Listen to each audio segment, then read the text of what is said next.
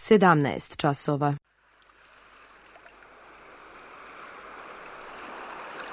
Radio Televizija Srbije. Radio Beograd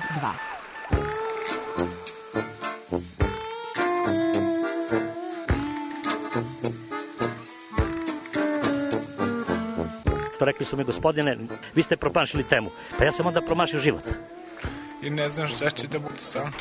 Kaže, ja ne mogu više da te čuvam. Šta da ti radi, kaže, snađi se kako znaš. Mi smo kao u kafesu. Za nas to je najmrtvo. To je mrtvo za nas, naročito. Ja bih željela neko da me usvoji. Da bih željela. Govori da bih te video. Program dokumentarnog zvuka.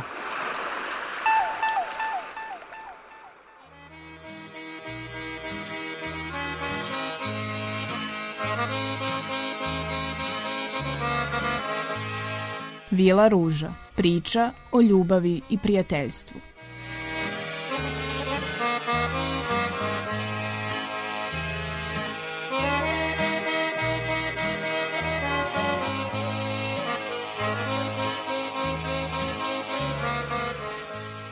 Istorija i događaj politički su određivali živote moje porodice. I ja živim u Kladovu sigurno 50 godina od rođenja, u Negotinu sam rođena. Međutim, nekako je put doveo i moju mamu u taj kraj, put je doveo i mog dedu po ocu i moju baku i oni su sve to našli u tom mestu. I u tom životu moje porodice ima nekih sudbinskih preplitanja, gde su se oni sretali i ne znajući da će to jednog dana biti porodica. Znači, moja baka po ocu Jovanka ili na rumunskom Joana je dete koje je rođeno u Oršavi u Rumuniji i ona je između dva rata bila usvojena od strane jedne porodice iz Tekije, a tek je jedno malo mesto na obali Dunava koje je imala eto dva života. Jedan život je bio pre hidroelektrane, onda je ona potopljena i ovaj drugi život koji živi sada. I kad ja razmišljam o toj Tekiji, i jedno i drugo i meni je nekako srce podeljeno i na jedno i na drugu. Mislim da je malo više kuca za onom koja je potopljena, jer grad u kome sam ja provela detinjstvo i dobar deo mladosti je sad pod vodom i zamislite da nikad više nećete proći njegovim ulicama, da nećete sedeti na toj obali Dunava, to su bili prve ljubavi, prve simpatije i tako i e, u taj grad nikad ne mogu da se vratim. Znači, on samo u mojim sećanjima.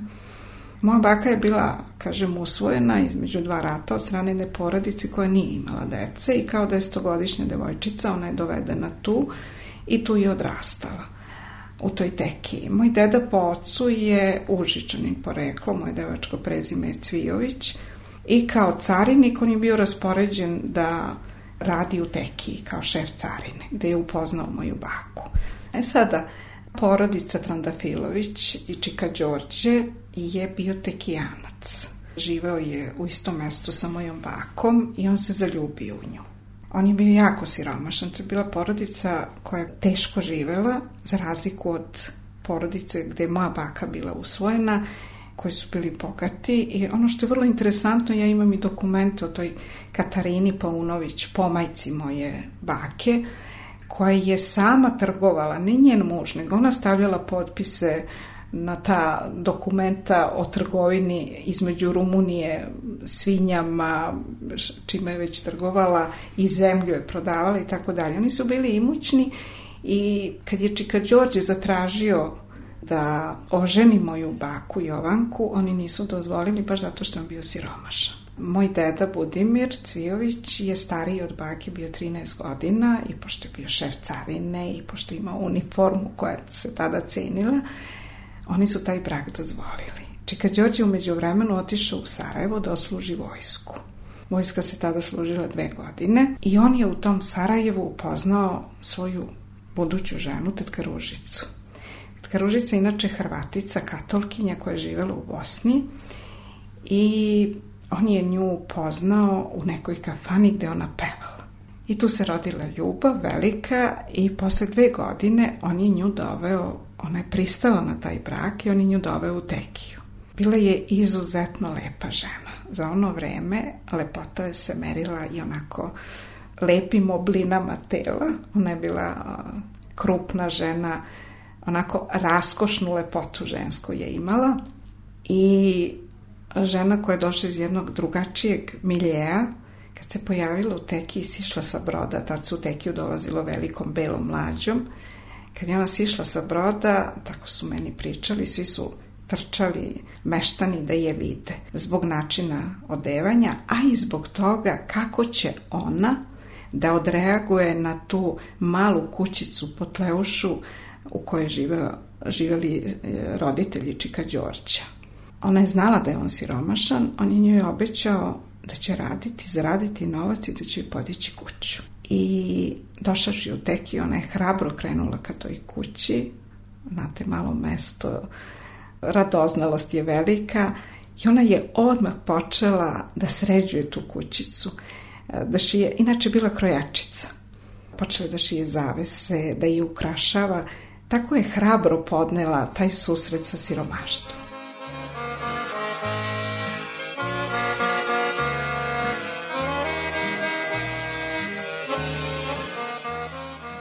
kad Đorđe umeđu vremenu postao loc. Locevi su jedno posebno zanimanje koje više ne postoji.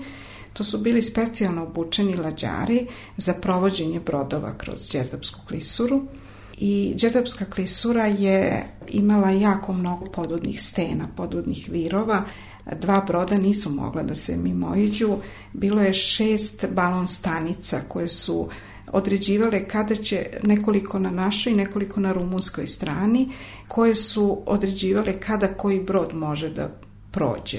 Čak recimo brodovi nisu smeli, samo su smeli jednom da zatrube u klisuri zbog onog eha koji se javlja da se ne bi sudarili. jedini koji su specijalno obučeni, to su bili ti locevi, bilo i rumunskih i naših, nije ih bilo mnogo. Veliki je rizik bio sprovesti brod kroz Đerdap i kroz Sipski kanal. E onda kad je brana izgrađena 70. 72. godine, locovi više nisu bili potrebni jer je nivo vode podignut za 20 metara i onda te podvodne stene nisu predstavljale prepreku i opasnost. Ali su oni dobijali jako dobre plate, tako da je Čika Đorđe radeći kao loc počeo da zarađuje dobro i onda su oni odlučili da u Kladovu podignu kuću on je to svoje obećanje koje je dao tetka Ružici ispunio. Kuća je 34. godine završena.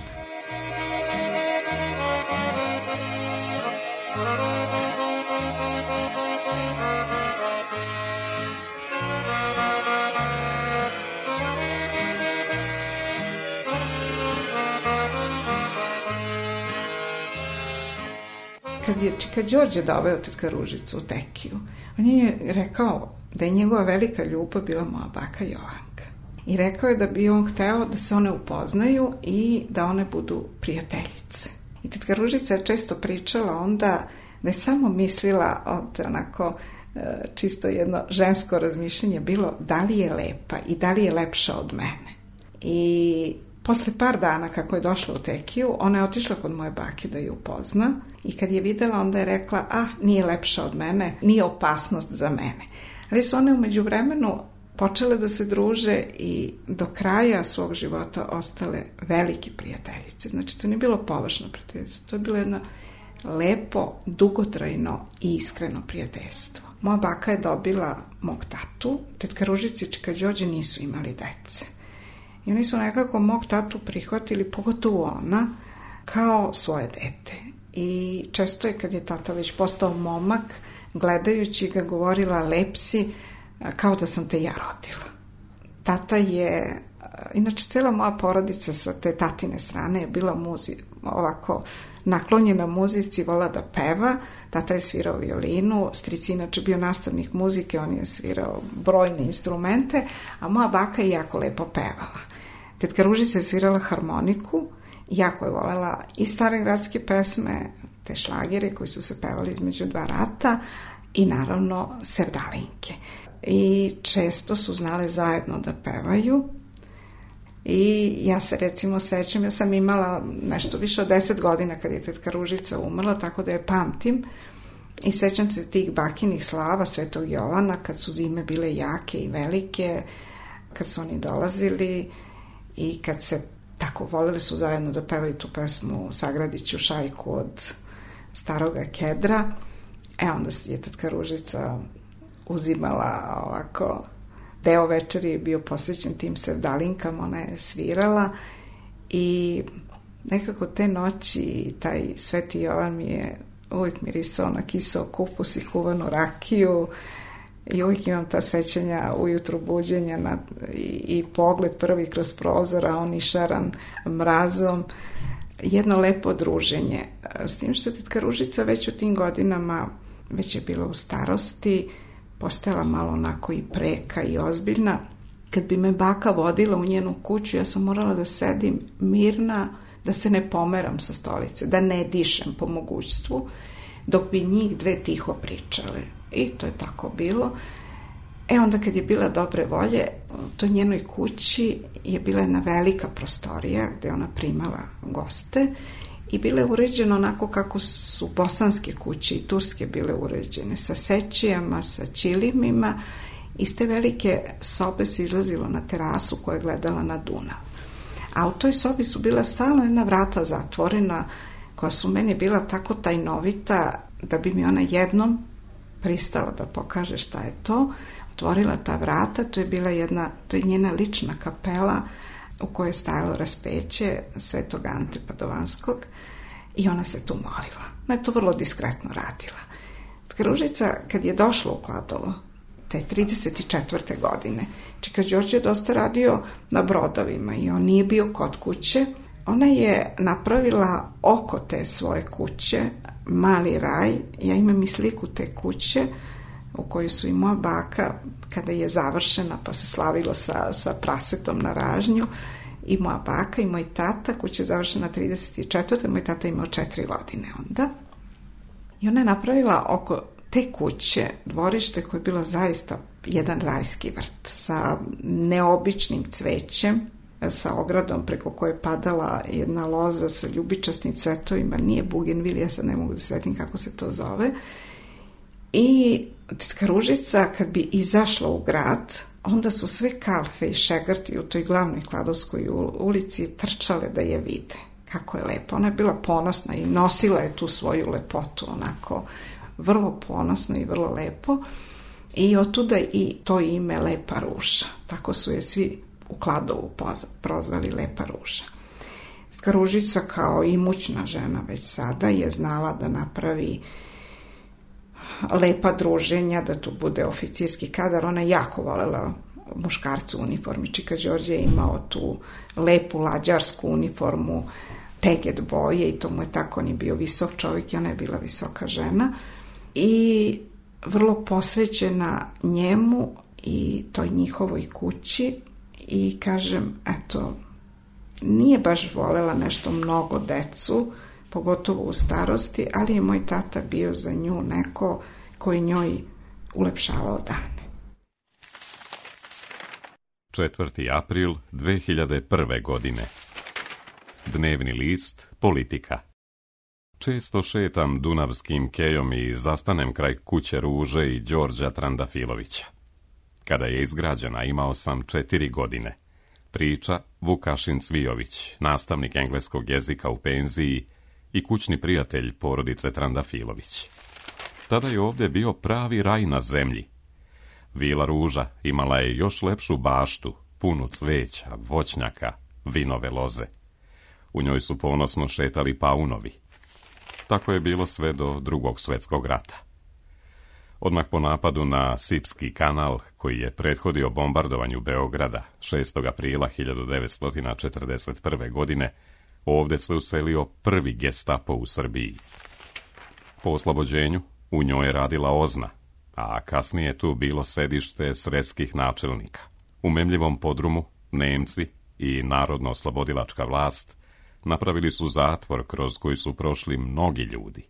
Sve pilote loceve sa Dunava Nemci su pohapsili i internirali za Norvešku. Da bi izbegao hapšenje, Đorđe Trandafilović je pobegao u Četnike nedela nije imao, ali je posle rata izgubio sva građanska prava. Ruža je doživjela težu sudbinu, ne želeći da prizna da joj je muž u Četnicima. Nemci su je uhapsili i sproveli, najpre u Negotinski zatvor, zatim u Banjički logor, gdje se šest mjeseci nalazila na spisku za streljanje, a na kraju je odvedena u Berlin.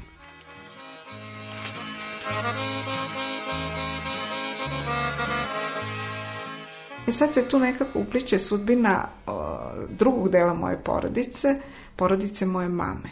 Moja mama je Nedeljka Petrović, znači bila nastavnica srpsko-hrvatskog jezika, rođena u Petrinji i 41. godine Srbi već se formira logor Jasenovac. Moja baka po majici i najstariji brat su bili poslati već u logor Jasenovački a deda, shvativši da će i on biti uhapšen sa ostalom decom, seda u voz i iz Petrinje kreće u Sisak put Srbije. Međutim, već u vozu redarstvo traži da se Andrija Petrović javi, on shvata da će biti uhapšen i on iskače kroz prozor i ostavlja četiri čerke i jednog sina da sami putuju. Moja najstarija tetka imala 16 godina i oni nekako dolaze u Beograd. Tetka je uvek pričala o tom strahu kad bi je pitali gdje ste vi djeco pošli, ona je uvek govorila naredno selo, kod tetke u sledećem selu. Tu silaze ali naravno ona zna koliki je strah bio.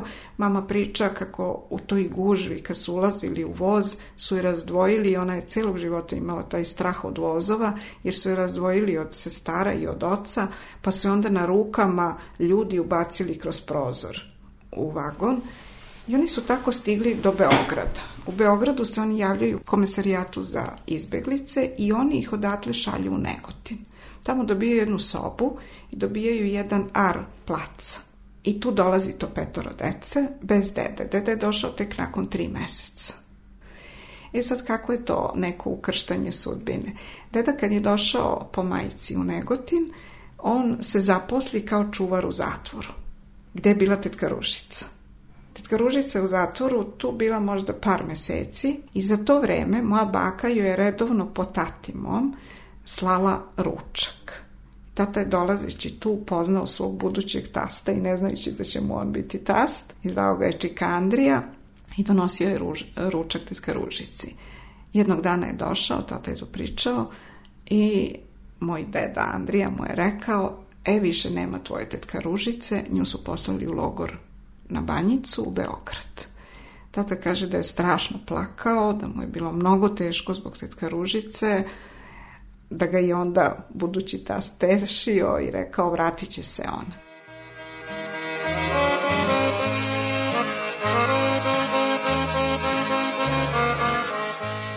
Tetka Ružica i Čika Đorđe nisu znali da li je ko je živ i ko se gde nalazi. On je bio u Petrovom selu, ona je bila u Nemačkoj. Po završetku rata ona se vraća i on dolaze u svoju kuću, međutim gestapo odlazi, ali im kuću uzima ozna. I to je takvo vreme bilo kako je bilo. I oni žive kao postanari u jednoj sobici, u jednoj iznajmljenoj sobi u Kladovu, u njihovoj kući je ozna. I sad neke e, ljudi su bili skloni da, da pričaju eto, da, da ta kuća nosi nešto što ne valja, jer su se tu ljudi mučili. Ispod te kuće su bile ispod cele kuće podrumske prostorije, da su se tu ljudi mučili od strane gestopoa i od strane osne. Moja mama je, moju mamu su u Negotinu zavoleli ljudi koji isto nisu imali dece, imali su kafanu. I mama uvek često govorila, eto, prodala sam svoje roditelje za šolju toplog mleka. Oni su nju mm, davali joj da jede, hranili je, to je vreme gladi bilo, ona imala samo pet godina i po završetku rata kad je taj čovek kod kojih je ona išla bio zatvoren, a bio je zatvoren od strane Ozne jer je bio kafeđija, pa je bio jel, neko koga treba kazniti zbog toga što je bio imao imovinu i bio bogat. Mama je onda išla u tu kuću tetka Ružicinu i Čika Đorđitovu, ne znajući da će jednog dana i sama biti vlasnik te kuće, da moli udbaše da joj puste počima. Jer je umeđu vremenu ta porodica tražila od mog deda Andrije da usvoji moju mamu. U Negotinu je završila učiteljsku školu, kao što i moj tata završio učiteljsku školu i onda su se oni upoznali i venčali. Ružica i Čika Đorđe su dobili posle rasformiranja ozne kuću nazad i onda su se oni nekako potpuno zatvorili i ogradili od sveta. Nosili su tu neku svoju patnju sami, nemajući više kontakt sa meštanima. Jedino je moja baka dolazila, niko više, ne sećam se da je još neko ulazio kod njih.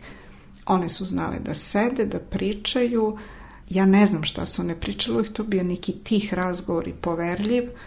Ja na priličnom odstojanju, tetka Ružica je bila izvanredna domaćica, ja pamtim njena slatka, recimo šljiva pune, punjena orasima i tako.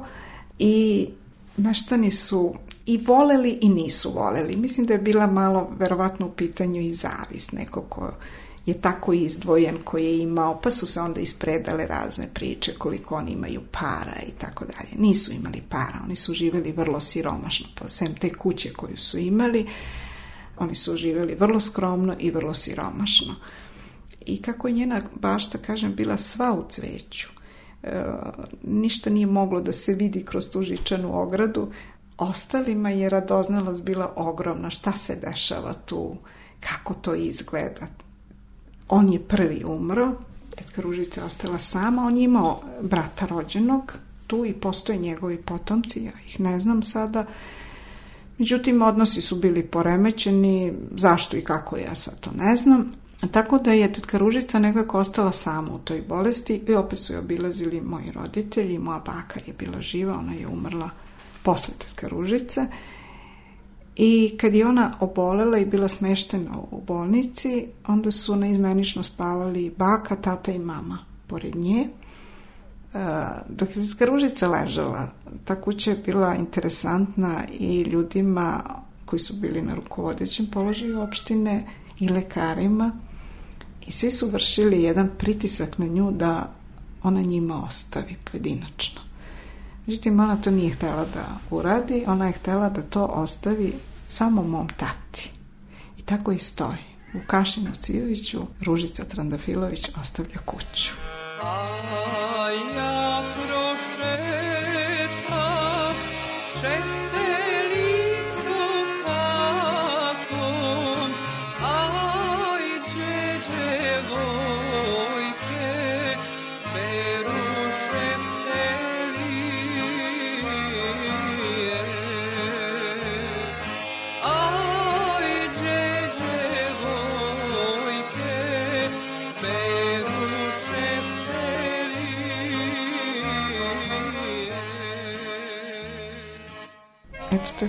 priča o ljubavi između tetka Ružice i Čika Đorđa. Na fasadi te kuće je bilo ispisano Vila Ruša.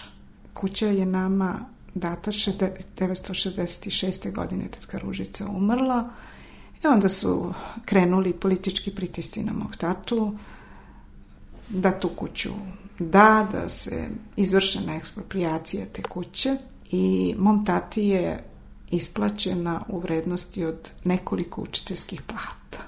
Tata je bio duboko pogođen svim tim. Sećam se da je sva dokumenta o kući pocepao, bacio. Dugo vremena nije hteo ni da prolazi pored te kuće. I kasnije već u nekoj dubokoj starosti je znao, znala sam da ga zateknem, da stoji podalje od nje i da gleda u tu kuću. Ja u tu kuću nisam ušla do pre mesec dana, sigurno 40 godina. Pre nekoliko godina je Zavod za zaštitu spomenika iz Niša od mene tražio, od moje porodice, da im pošaljem originalne slike te kuće, da bi oni uradili renoviranje, i, jer kuća je jednostavno počela da propada. Kad je ona nama oduzeta, ona je služila za, tu su spavali rukovodioci bivše Jugoslavije, od Kardelja, Bakarića, Cetin Mijatović sa Mirom Stupicom i tu je spavao i Tito. Sad, to je jako interesantno jer je tetka Ružica, tetka Ružica apsolutno nije politički bila opredeljena, niti je politika interesovala, ali je ona, ja se sećam, u kuhinji koju je imala, a iz te kuhinje su vodile stepenice na terasu koja je bila ispod krova kuće, sa strane nekako krova Ona je na, u kredencu držala veliku sliku Tita u uniformi. Ona je volela ljude u muškarce u uniformama i ona je držala Titovu sliku samo zbog toga i govorila da je on lep čovjek. Ništa nju drugo nije interesno. On je bio jednostavno lep muškarac. I obožavala ga je zbog toga. Ništa ona o politici nije znala niti interesovala. To desilo se da je drug Tito sa svojom suprugom spavao u njenoj kući posle njene smrti I ja u tu kuću, posle, kad je zavod tražio, ja sam iskreno verovala da će oni da renoviraju kuću po tim slikama, kako su mi rekli. Te slike mi nisu vratili, ali ono što su napravili od kuće ne, nema nikakve sličnosti sa kućom kakva je zaista autentično izgledala. I ono što mi je najviše smetalo svih ovih godina, to je što je sa njenog pročelja skinut taj natpis Vila Ruša.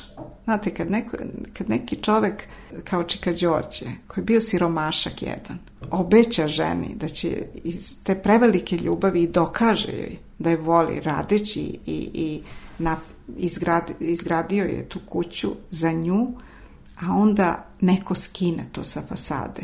On je poništio identitet te kuće. Kuća je izgubila svoju autentičnost i ja mislim da je trebalo bar jedna prostorija, jer je to velika kuća, da bude posvećena Čika Đorđu i Tetka Ružici i da možda u nekom delu čak bude i muzej Locova. Znate, to je jedno posebno zanimanje, specifično koje je bilo karakteristično samo za taj kraj. I ja sam imala strašno pomešano osjećanja kad sam izlazila iz te kuće, uh, ta kuća koja je sada napravljena kako je napravljena, ona u stvari poništava postojanje Tetka Ružice i Čika Đorđa. A ja mislim da to mora da se zabeleži, da ostavi jednostavno trag o ljubavi, o ljudima koji su se voleli i koji su postali deo moje porodice. Upravo tim prijateljstvom između moje bake i nje cena kuće koja nama oduzeta nema vredno za mene koliko vrednosti imaju ta moja sećanja i te emocije koje ja imam. A ja prošeta, šeta